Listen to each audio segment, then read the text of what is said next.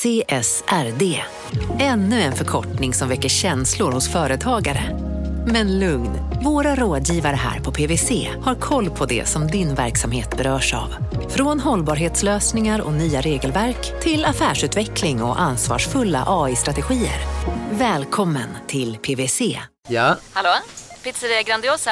Jag vill ha en Grandiosa capriciosa och en pepperoni. något mer?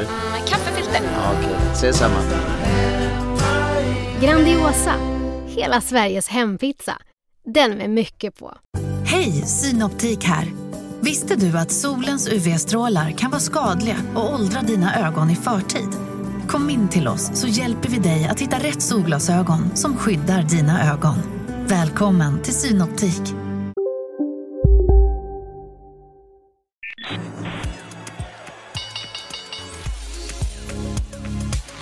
Det här är Affärsvärlden Magasin med Helene Rådstein.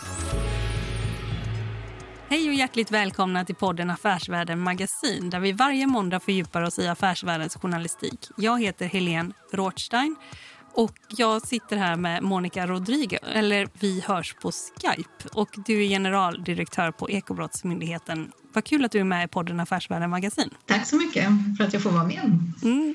I samband med att du återvände till eh, EBM i början på mars 2018 var jag ju hälsa på dig på ditt kontor och nu har ni flyttat vet jag. Men jag kommer ihåg att du hade en liksom Tintin-samling då på kontoret. Har du kvar den fortfarande? Den står fortfarande kvar på mitt skrivbord. Hur kommer det sig? Eh, Ja, Tintin var ju, en, var ju böcker som jag läste när jag var liten, som barn redan. Och jag lärde mig väldigt mycket tyckte jag i Tintin-böckerna. Det brukar vara så att när min pappa frågade eh, för att jag kunde till exempel var ett land låg eller vilken huvudstad var i det landet så svarade jag att det hade jag lärt mig via Tintin. Mm. Ja, men det var ganska allmänbildande, eller? Ja, Tintin. det var det. Har du någon favorit där bland eh, Tintin-figurerna? Ja, jag tycker Kapten Haddock är roligast. Tycker du? Han, han, är, Ja. kole- han är kolerisk, eller? Han är kolerisk och, eh, och dricker och jag dricker ingenting. Men han, han dricker och han är lite eh, bordus och sådär. Jag tror att det här, jag jag gillar honom för han är raka motsatsen till vad jag själv är. Men om vi går in då på Ekobrottsmyndigheten. Ert uppdrag är ju att eh, upptäcka, avbryta, utreda och lagföra ekonomiska brott. Och eh, ni ska också aktivt verka för att återinföra vinsterna av brott. Och eh, ert arbete det ska genomsyras av ett brottsförebyggande perspektiv. Når ni era utsatta mål bra, tycker du?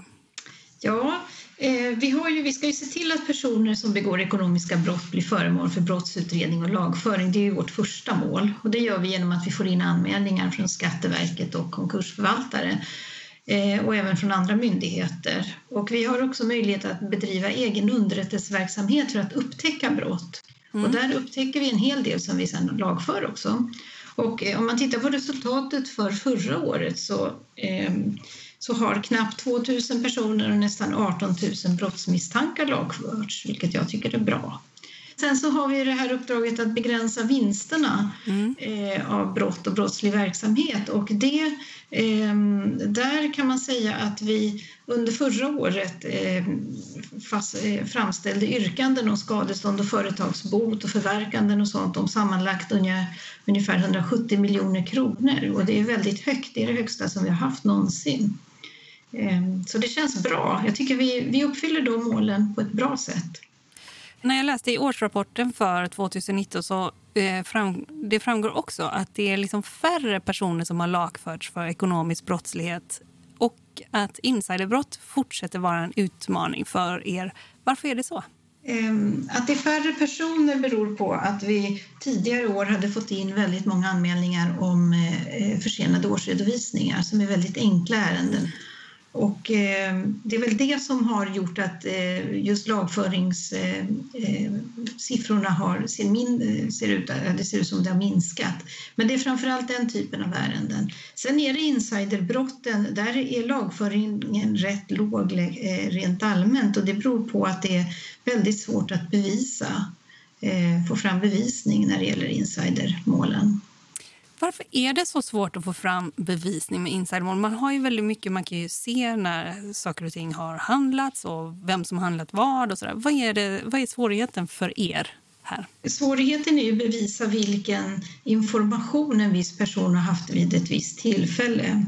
Och eh, många gånger så, har vi ju, så, så, finns det bevisning i form av eh, sms som man har skickat mellan anhöriga eftersom det är väldigt vanligt att man tipsar anhöriga just om eh, när, eh, man kan, eh, när man har insiderinformation att man kan eh, köpa eh, aktier på ett bra sätt eller sälja aktier. Och eh, då, har man, eh, då, då, finns det problem med det här närstående förbudet i rättegångsbalken som gör att vi inte får använda den bevisningen i rätten, även om vi har den. Ni har liksom information som ni skulle kunna använda men ni får inte använda er av den liksom när det är väl i rättegång. Hur har ni och du då lobbat för att det här ska ändras? Vi har en rättsenhet som tar upp det varenda gång som de har kontakt med Eh, departementet. Jag tar upp det när jag har myndighetsdialoger. Och så att eh, de är medvetna om det. Och det ligger faktiskt ett lagförslag också. Ehm, ett förslag om att man ska ändra den här bestämmelsen, för den är från 1946. Så det är en väldigt gammal bestämmelse. Det är före sms-tiden kan man säga. Det är långt före sms-tiden, absolut. Mm.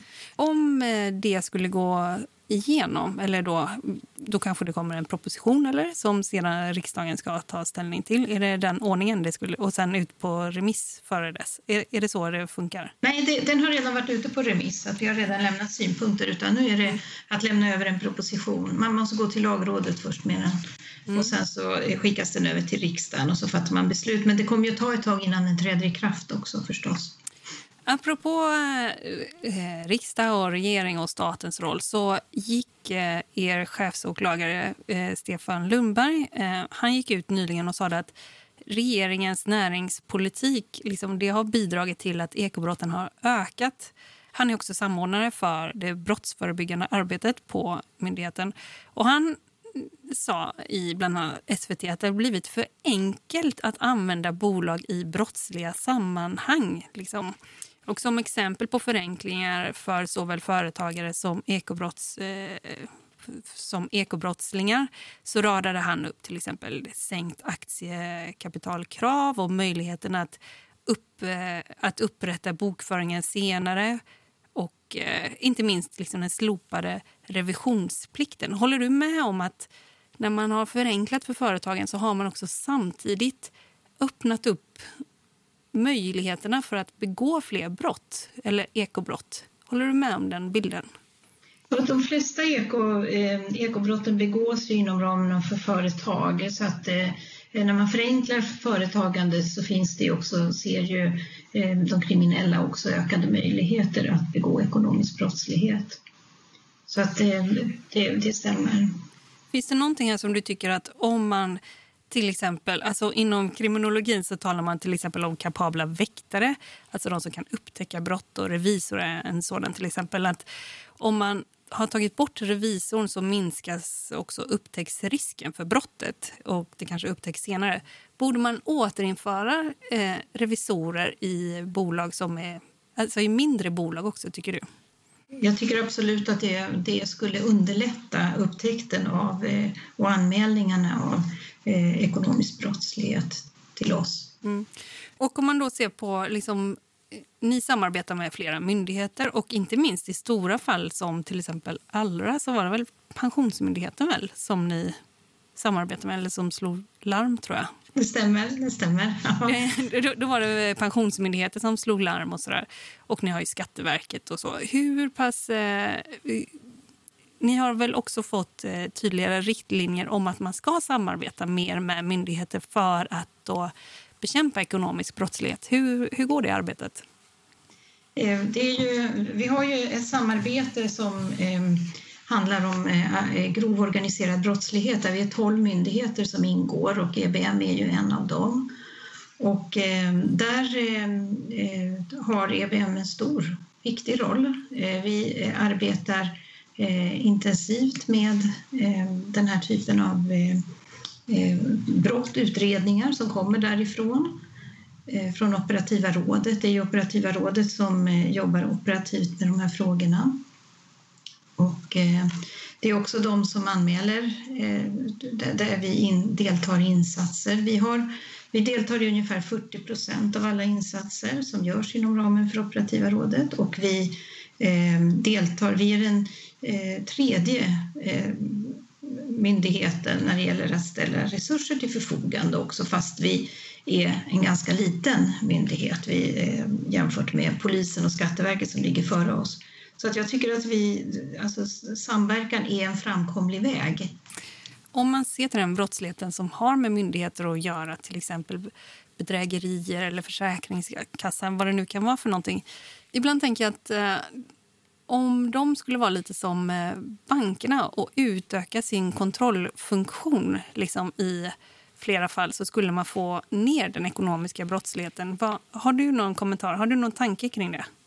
De har ju fått eh, de utbetalande myndigheterna då, eh, som betalar ut bidrag. De har ju fått nu stärkta resurser för att just införa kontrollfunktioner på sina myndigheter. Eh, utöka kontrollerna och möjligheten att också se till eh, brottsförebyggande åtgärder.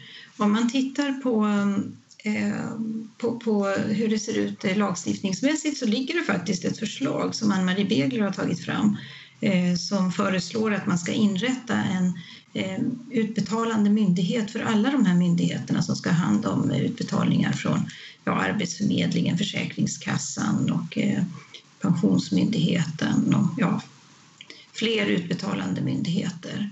Samordna det arbetet just för att kunna utgöra den här kontrollstationen som inte finns idag, är samlat någonstans. Har det varit för ibland vad ska man säga, naivt vad det gäller de här utbetalande myndigheter? Om vi ser till exempel, vi har ju haft stora assistansbedrägerihärvor och sådär. Har det funnits för lite kontroll skulle du säga? Jag tror att man har, fokus har varit mycket på att de här eh, bidragen och, eh, eh, och stöden som betalas ut ska betalas ut så fort som möjligt till de som behöver dem och det är ju verkligen beaktansvärt att man gör det. Men då har man i vissa delar missat att det kan användas av kriminella. Vad tänker du kring att det är så? Det är ju ändå pengar som ska gå till folk som är... Alltså man tar ju faktiskt från folk som är sjuka och barn och fattiga och gamla och sådär. Det är våra... Det är inte bara så skattemedel utan de pengarna ska ju faktiskt gå till behövande på något sätt. Jag tycker det är därför Ekobrottsmyndighetens uppdrag är så viktigt. Ehm, för att eh, eh, vår, syftet med vår myndighet, eller målet med vår myndighet är ju att eh, komma att få tag på de kriminella som använder våra system för att begå Eh, ja, brott och sen så eh, få brottsvinster eh, själva. Att det, eh, för det är ju ändå eh, eh den huvudsakliga drivkraften vid ekobrott är ju brottsvinster som undandras samhället. Man kallar det välfärdsbrott. Tror jag. Är det en utveckling som du har eh, sett eh, öka eller minska i både i pengar och i antal brott? Ja, vi får ju in eh, mer och mer komplicerade och eh, komplexa ärenden till oss. Eh, så att eh, man är väldigt snabb från... Eh, den, de kriminella är snabba på att vända eh, kappan efter vinden, eller om man ska säga, från att ha varit, ägnat sig mer åt eh, eh, traditionella brott, typ rån och så, så har man ju istället sett att det finns mycket mer pengar att få om man eh, försöker utnyttja de systemen, välfärdssystemen som vi har. Inte minst då eh, genom skattebrott. Du lyssnar på Affärsvärlden Magasin med Helene Rådstein. Marknaden sponsras av SPP, pensionsbolaget. Eh, förra gången pratade vi lite om ITP. Och som en kort repetition så, så var det ju 70-tal, arbetsmarknadens parter bestämde att alla tjänstemän ska ha en tjänstepension. Man kom överens om vilka villkor som ska gälla i den här pensionen och så kallade man den för ITP. Så jobbar man idag som tjänsteman i ett företag med kollektivavtal, då har man förmodligen den här pensionen, ITP-pensionen. Eh, och det är ju så att man kan påverka eh, den här pensionen, hur den är placerad. Vart femte år så gör nämligen Collectum, som de heter, en enorm upphandling där olika pensionsbolag kan ansöka om att få förvalta eh, de här pensionerna. Och SPP är ett av bolagen som valdes ut i den senaste upphandlingen. Och sen kan du som pensionssparare välja eh, vilket av de här olika pensionsbolagen som, som då ska få ta hand om dina pengar. Och tanken med den här upphandlingen är ju att liksom kvalitetssäkra de här olika alternativen eh, men också att förhandla fram stora rabatter så att pensionsspararna ska få ja, kunna spara pengar genom att avgifterna eh, som är så viktiga eh, blir eh, lägre. Och vill man välja någonting i ITP-systemet då finns det en relativt ny sajt som heter avtalat.se. Ehm, där kan man gå in och se hur sin ITP-pension är placerad. Jag gjorde det häromdagen faktiskt. Ehm, idén är att hälften av pengarna alltid ligger i något som kallas för traditionell försäkring. Det här gjorde vi ett avsnitt om i podden Kapitalet nyligen eh, som vi kallade världens bästa sparform. kan man lyssna på om man är intresserad. Eh, den andra halvan eh, den kan man också lägga i en traditionell försäkring eller så kan man placera det i något som kallas för fondförsäkring. Eh, SPP som sagt eh, var ju ett av de fåtal bolagen som valdes ut i den senaste upphandlingen och de finns med som alternativ både med en traditionell försäkring och med eh, fonder. Så det var en liten bakgrund till ITP-systemet. Vill man läsa mer om det här eller typ kolla hur ITP-pensionen är placerad, eh, kanske göra förändringar, då går man in på avtalat.se Eh, men tack säger jag till SPP som vill göra oss människor mer medvetna om hur enormt viktig pensionen är för oss som en framtida lön, men också som en positiv kraft i samhället eh, och förstås för att ni möjliggör eh, den här podden Marknaden. Jag tänker vi befinner oss just nu i en epidemi och corona har ju påverkat organisationer och verksamheter på många olika sätt. Och vad det gäller rättsväsendet så har ju domstolarna ställt in förhandlingar och parter inte har kunnat komma och sådär. Hur har eh, krisen påverkat er? Vi har ju också haft inställda huvudförhandlingar, eh, framförallt på våren och eh, framförallt så har vi haft också inställda förhör, eh, förhörssituationer där man har sagt att man inte kan komma på grund av att man har corona. Eh, och, och eh, inte dykt upp när vi har kallat folk till förhör. Eh, men eh, det har blivit mycket bättre. Vi har precis haft en genomgång med eh, kamrarna och med våra åklagare och som säger att jo, men det har blivit mycket bättre nu under hösten. Man har tagit igen det som man låg efter med tidigare. Och sen så finns det också, har vi också lyckats ha få fler huvudförhandlingar på distans, vilket är bra. Och även förhör också, möjligheten att hålla förhör på distans har vi också utrett. Och Eh, det, det används mer och mer. Men den digitala utvecklingen har gått mycket snabbare än vad vi hade tänkt oss. Finns det några så risker med det när eh, rättsväsendet eh, digitaliseras? Absolut. Man, man måste ju hela tiden se till, eh, till rättssäkerheten. Det är det viktigaste. Eh, så att det, det, man, det, det får inte göras Eh, så att det går ut över någon enskild person. Det måste finnas system att kontrollera identiteten på folk på distans och så om det, om det är så man väljer att, eh, att arbeta. Mm. Och det hela tiden är det förundersökningsledaren som bestämmer eh, hur man ska göra och i vilka fall det är möjligt och vilka fall det inte är möjligt. Och är det, är det huvudförhandlingar på distans, ja då är det domstolarna som beslutar. Apropå då corona så gick ju EBM ni gick ut och sa att ni räknar med att få ta emot cirka 200 fall som rör misstänkt fusk med omställningsstöd. Eh, det är ett stöd som företag får som har drabbats hårt av eh, pandemin. Vad, när det kommer såna här stöd, tänker du med en gång oj, här kommer vi kopplas in så småningom? Ja, det var ju absolut den första reaktionen när vi hörde talas om det här. Men man, kom, man, måste komma ihåg då att de här omfattande stödåtgärderna eh, som har beslutats, de är nödvändiga ur ett samhällsperspektiv. För de syftar ju också till att motverka arbetslöshet och att företag går i konkurs. Mm. Men eh, det, de utbetalande myndigheterna ska ju handlägga de här ansökningarna så skyndsamt och då är det viktigt att de har kontrollrutiner så att utbetalningen inte görs på felaktiga grunder till kriminella. Eh, och eh, för några veckor sedan så skulle ni ha fått in 25 stycken brottsanmälningar men ni räknar ändå med att det skulle komma in ungefär 200 fall tror jag från Skatteverket är det va? Precis, det är från Skatteverket och eh, vi har hittills fått in uppåt 50 anmälningar. Och, eh, men det gäller bara de förkontrollerna som Skatteverket har gjort. De, de jobbar i två steg. Först gör de förkontroller och då är det eh, vissa som har fastnat i deras system och av dem så har de skickat över ett 50-tal till oss hittills. Men sen eh, har de precis börjat med att göra efterkontroller också av redan utbetalda stöd. Så, och det är där vi räknar med att det kommer att komma in ytterligare hundra kanske. Eller, ja. Va, vad innebär det för, för er, för myndigheten? Ja, det innebär ju, det här är en helt ny brottstyp för oss. Att, eh, vi har eh, behövt lära oss hur vi ska hantera de här. Vi har just nu koncentrerat dem till Göteborg, men så småningom när det blir fler så går det inte bara att hantera dem i Göteborg, eh, utan vi sprider ut dem då över hela landet förstås. Men eh, de här personerna, åklagarna då, som har tittat på dem i Göteborg, de har eh, sen hållit utbildningar för eh, både Skatteverket och för oss andra. Mm. Ja, och hur tänker du, väntar du dig fler komplicerade ärenden i kölvattnet av de krispaket som har betalats ut? Ja, det, det är för tidigt att säga, men jag ser ju framför mig att även när det gäller eh, Ehm, utbetalningar som görs av eh, Tillväxtverket ehm, eh, i form av eh, korttids eller permitteringsstöd för korttidspermitteringar.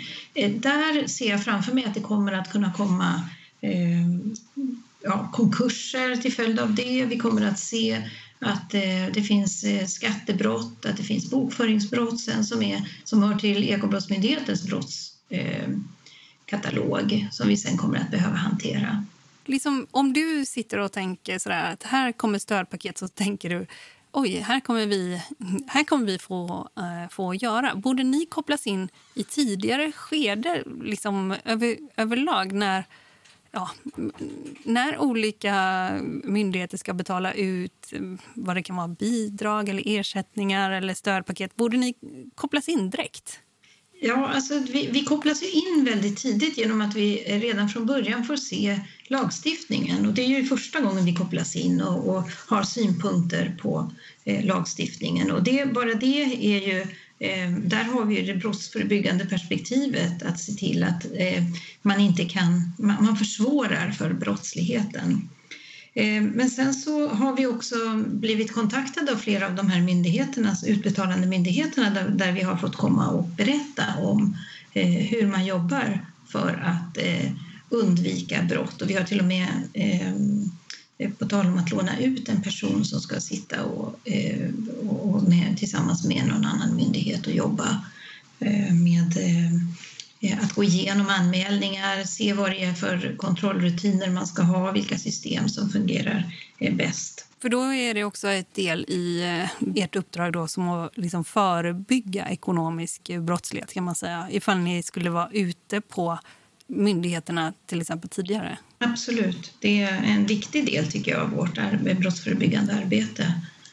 Eh, hur, hur, hur, går det generellt skulle du säga, ert brottsförebyggande arbete? Jag tycker att vi får mycket förfrågningar. Vi är ute och föreläser och vi är ute och pratar eh, med andra myndigheter och andra aktörer också, med branscher och eh, andra organisationer. Eh, men eh, det är ju egentligen är det nästan den största utmaningen eh, bland våra eh, i våra målområden, det vi ska jobba med, det är att sen mäta vad det får för effekter. Det är väldigt svårt att mäta effekterna av det brottsförebyggande arbetet eftersom det inte går att ange eh, några siffror på det. Det går inte riktigt att ta på. Nej, eh, det är svårt att veta. Ja, det var för att EBM var här. eller hur? Eller? Det ja, ja men, precis. Det är så jag menar. Mm. Men hur gör ni då? Hur, hur mäter ni då? Va, va, hur försöker ni mäta ändå? Ja, vi, försöker, vi, vi jobbar nu med att försöka ta fram vissa nyckeltal som vi ska kunna eh, få fram. Men vi, har inte, eh, vi är inte klara med det. Egentligen så avbröts, vi har tagit fram en, en brottsförebyggande strategi som vi ska jobba med eh, under året var det tänkt. Men mycket kom ju fick ju läggas åt sidan när eh, corona kom och vi fick eh, eh alla dessa förfrågningar från andra myndigheter att hjälpa till. Eh, med brottsförebyggande åtgärder. Om man tittar med kriminella ögon på Sverige idag, hur pass framgångsrik är den ekonomiska brottsligheten? Ja, det finns mycket pengar att hämta eh, genom ekonomisk brottslighet. Så att eh, på det sättet kan man ju säga att den är eh, framgångsrik. Ehm, men ehm, det finns också många sätt att, ehm, Ehm, att stoppa den på, eh, tycker jag. Det finns, ehm, vi, vi kan säga att eh, ja, det finns ju eh, lagstiftning som är otidsenlig och behöver anpassas till hur samhället ser ut idag.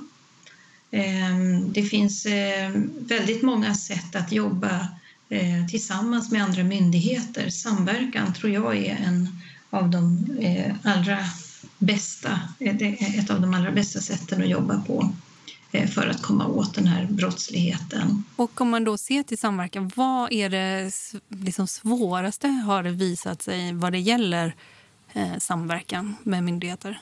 Ja, det har ju varit, mycket handlar ju om att det har funnits sekretesshinder mellan myndigheterna men eh, även där tycker jag att man jobbar, eh, när vi har eh, vänt oss till regeringen så lyssnar de på oss. Att, eh, det är en hel del som har gjorts och en hel del som är på gång också för att vi ska eh, kunna öppna upp och, och, få mer möjlighet att eh, utbyta information med varandra på ett lättare sätt. Finns det något konkret förslag som eh, du kan peka på här?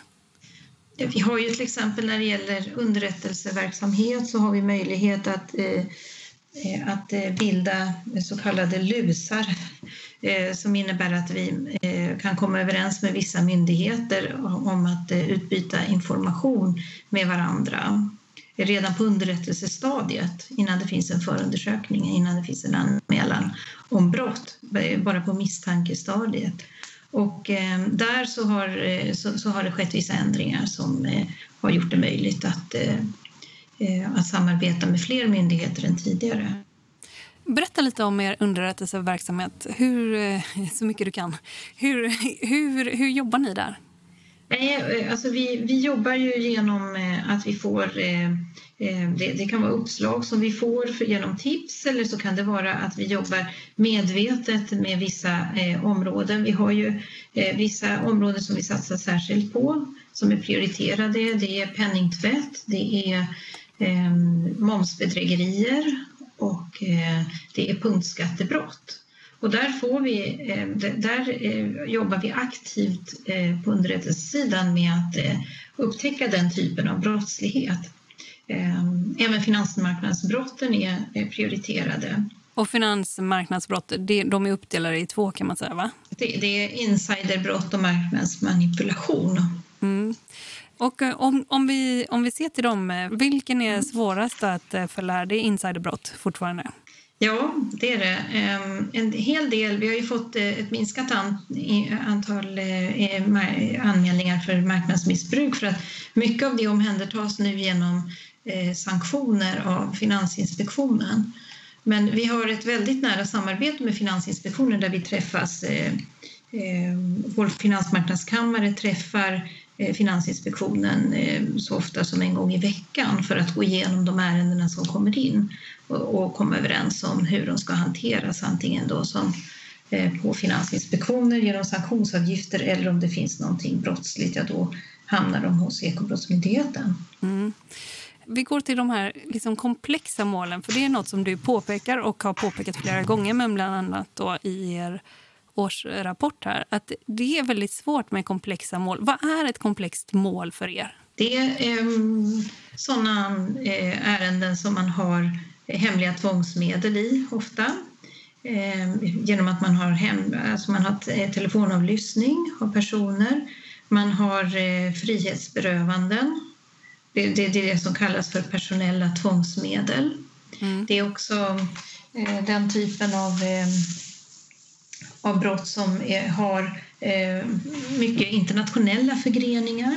Mm som är komplexa att utreda. Det krävs alltså en stor utredningsgrupp för att utreda dem. Och det är också, om man säger så här, det är också mycket så här prestigemål för, eh, för er. Eller är det det? Eller hur ser du på dem?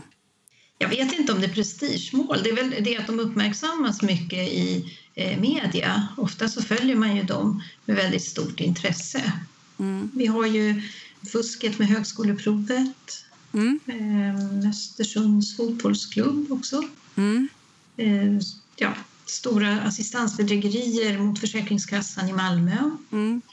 En kritik som eh, när det har varit komplexa mål som har lyfts fram, det har varit ibland att det kommer allt har inte funnits med i förundersökningen utan det har kommit nya saker som de åtalade ska ta ställning till under till exempel liksom ganska sent in i en rättegång så här, har försvarssidan hävdat. Är det nåt som eh, du har tänkt på också? Och man har sagt att det här är inte rättssäkert. Man måste veta vad exakt eh, är det jag ska svara på för någonting.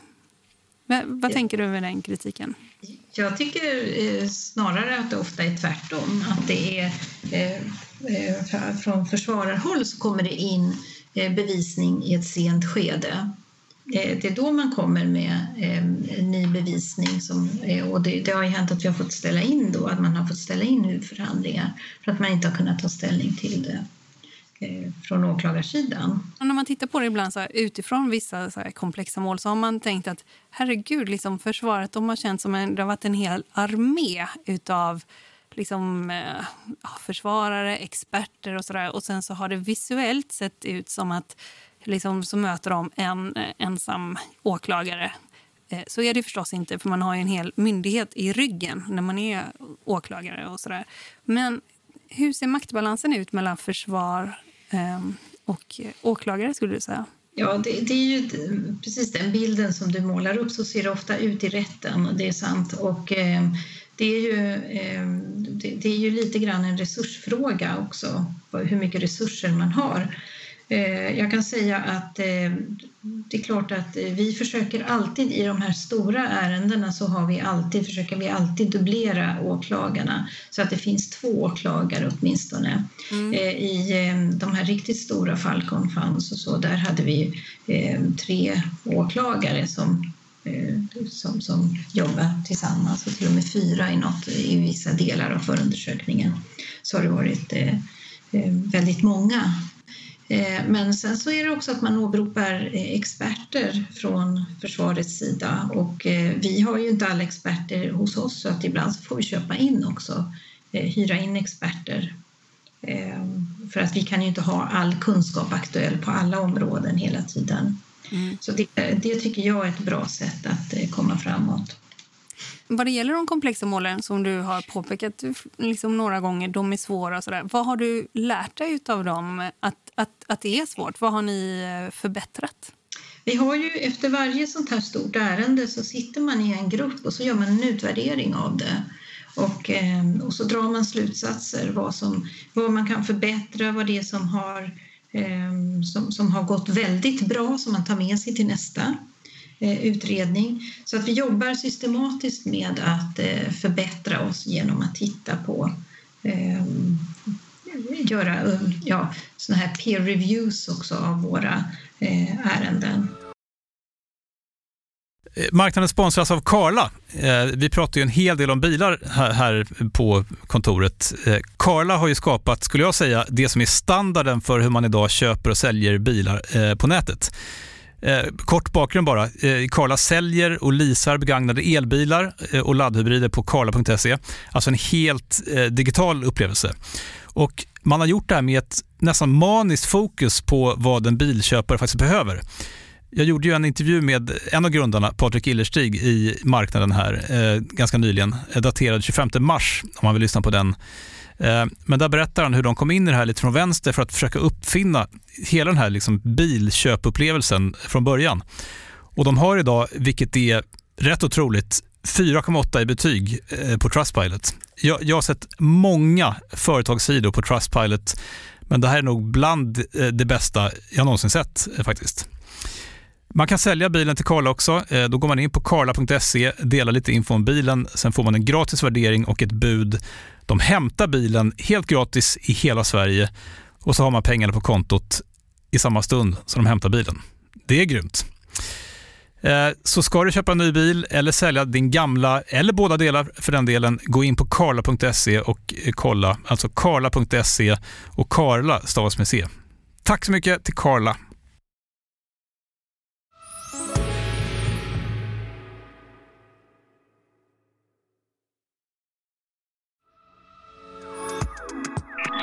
Du lyssnar på Affärsvärlden Magasin med Helene Rådstein. Tidigare så var du chefsjurist i flera år på eh, Ekobrottsmyndigheten och sen försvann du. Berätta lite, vad hände? Ehm, jag hade varit i, i, i sju år på Ekobrottsmyndigheten och då ringde dåvarande rikspolischefen upp mig och frågade om jag ville komma till polisen och jobba som eh, rättschef eller chefsjurist hos dem ett tag. Och då gjorde jag det så att jag var där. Och sen så blev jag headhuntad till arbetsmarknadsdepartementet där jag jobbade eh, ett tag som expeditions och rättschef i fyra och ett halvt år. Men sen tyckte jag att det skulle vara roligt att gå tillbaka till rättsväsendet och då eh, sökte jag tjänsten som generaldirektör för Rättsmedicinalverket. Och så var jag där i tre år. Mm. Det var inte vilka år som helst som du var där kan man ju säga. Utan det var i samband med den stora flyktingvågen och så som kom och man skulle göra åldersbedömningar och sådär. Det där har ju varit ganska kritiserat, den modellen som man använde när du också var chef där. Va, vad tänker du om det? För det är ju fortfarande en fråga som debatteras. Vad tänker du om det nu? Ja, det är ju den, eh, vi gick ju på den, eh, den forskningen och eh, beprövade erfarenheten som fanns då vid det tillfället och vad jag vet så är det fortfarande den modellen som används idag. Ser du så här, nej, här, vi kunde kanske tagit lite lugnare eller vi kunde gjort på något annat sätt. Har du gjort några reflektioner där? För det ju, handlar ju också om rättssäkerhet eh, för dem som man mäter. Va, vad mäter man? Knäskålar? Vad mäter man för någonting? Ja, det är knät. Ja. knät och eh, eh så tittar man på, eh, på tänderna också. Mm. Mm. Eh, nej men det här var ju ett uppdrag som vi fick från regeringen och uppdraget var att det här skulle göras skyndsamt för det var ju viktigt att de här som hade kommit inte hann fylla 18 år. Utan det, syftet var ju att kunna identifiera vilka som var under 18 år för att eh, de då enligt eh, eh, de, den lagstiftningen som eh, finns har möjlighet då att eh, stanna i Sverige. Eh, på andra grunder än flyktingskäl förstås. Har man flyktingskäl får man ju stanna ändå. Mm. Men om man inte hade flyktingskäl så, så då då, då, kan man göra den här och det är ju någonting som är frivilligt som, gjordes för, som kan göras frivilligt eller kan göras frivilligt av eh, den som söker asyl. Men var det rättssäkert skulle du säga? Alltså, det finns ju ingen exakt metod som kan ange hur gammal du är. Så att eh, det här är, eh, Eh, jag tyckte ändå att det kändes som mer rättssäkert att en handläggare på på Migrationsverket eh, gör en bedömning genom att bara titta på en person. Det här, var ju bara, det här är ju bara en liten, liten del av eh, hela eh, arbetet. Om, man, om det finns papper eller om det finns andra utlåtanden från eh, det boendet där man har bott och så, så ska ju det vägas ihop och det har ju också gjorts så att det är inte alltid man bara har gått på uttalandet från Rättsmedicinalverket. Det ligger på domstolen eh, ytterst att ta ställning till vilken vikt man lägger vid just de här bedömningarna. När du sen kom tillbaka till EBM, vad, vad tyckte du hade förändrats när du då kom tillbaka i början på 2018? Ja, från början så var det ju så att eh, eh, när jag kom då fanns bara Ekobrottsmyndigheten i storstadsregionerna i Stockholm, Göteborg och Malmö. Och när jag kom tillbaka så hade ju eh, EBM tagit över, om man säger så, hela landet. Eh, så då fanns EBM i hela landet, omfattade hela landet. Eh, och eh, det var den stora skillnaden. Men sen såg jag också i, just när det gällde eh, det här arbetet, satsningen mot den grova organiserade brottsligheten, så var EBM en väldigt liten aktör då när jag lämnade 2010. Och eh, nu så är vi en otroligt viktig aktör eftersom det ofta är eh, genom eh, utredningar om ekonomisk brottslighet som man till slut kan sätta dit många yrkeskriminella. Ja, just det. det liksom, och så har det ju varit genom historien också kan man säga. Eller, liksom, ja, från, absolut. Ja. Hur, hur, hur, kommer det sig? Varför är det så? Det är ju, det, alltså bokföringsbrott och skattebrott är ju någonting som är enklare att utreda ibland eh, än vad det är att utreda eh, eh annan typ av brottslighet. Och då tänker jag inte på narkotikabrott och så, men eh, Ehm, det, det, ibland så, även när det gäller den grova organiserade brottsligheten, våldsbrottsligheten, så, finns det, så måste man finansiera eh, sin kriminalitet på något sätt och det gör man genom eh, att begå ekobrott. Mm. Ni dras ju nästan med ett rykte skulle jag säga att eh, EVM de fäller inga stora fiskar, det är bara småfiskar. Vad har du att säga om det? Alltså det är ju en myt kan man säga. Jag har ju, vi, har ju precis fått nu rapporten. Eh, den här veckan så kom den från eh, överåklagarnas kansli som eh, går igenom alla domar, alla fällande domar som har varit och alla ogillade åtal. Mm. Och där visar det sig att vi har över 90 procent fällande domar. Och eh, då tror man att, då tänker man att ja, men det är väl de enklare målen. Nej, det är snarare tvärtom. De här försenade årsredovisningarna, det är en stor andel utgörs just av eh, av de ogillade domarna eh, utgörs just av de här eh, försenade årsredovisningsärendena. Och inte bara de utan även eh, eh, insiderbrotten som vi pratade om, där bevisningen, där det är väldigt svårt att bevisa eh, brott. Om den lagstiftningen som ligger nu som, man ska, som senare lagrådet ska göra något yttrande om och sen ska det vara proposition och sådär. Vad kan det Gör ni några uppskattningar om att då kommer vi få kunna fälla så här många för insiderhandel? Eller då kommer vi, finns det några sådana uppskattningar hos er? Nej, vi har inte gjort några sådana beräkningar. Det har vi inte, men vi ser ju att väldigt många av våra ogillade domar eh, Eh, eh, i, i dem så finns det som, så vet vi att det finns eh, bevisning som vi skulle ha kunnat använda oss av men som vi inte kan, eh, som, som vi inte ens kan eh, eh, ta med för att eh, den är, eh, det är, träffas av det här närstående förbudet. Du sa tidigare också att vi har en otidsenlig lagstiftning på flera områden. Om vi bortser från det som rör insiderhandel, den lagstiftningen från 1946. Finns det några andra då som eh, du tycker att det här är helt uppåt väggarna hur obsolet den här lagstiftningen har blivit som ni har att göra med ofta?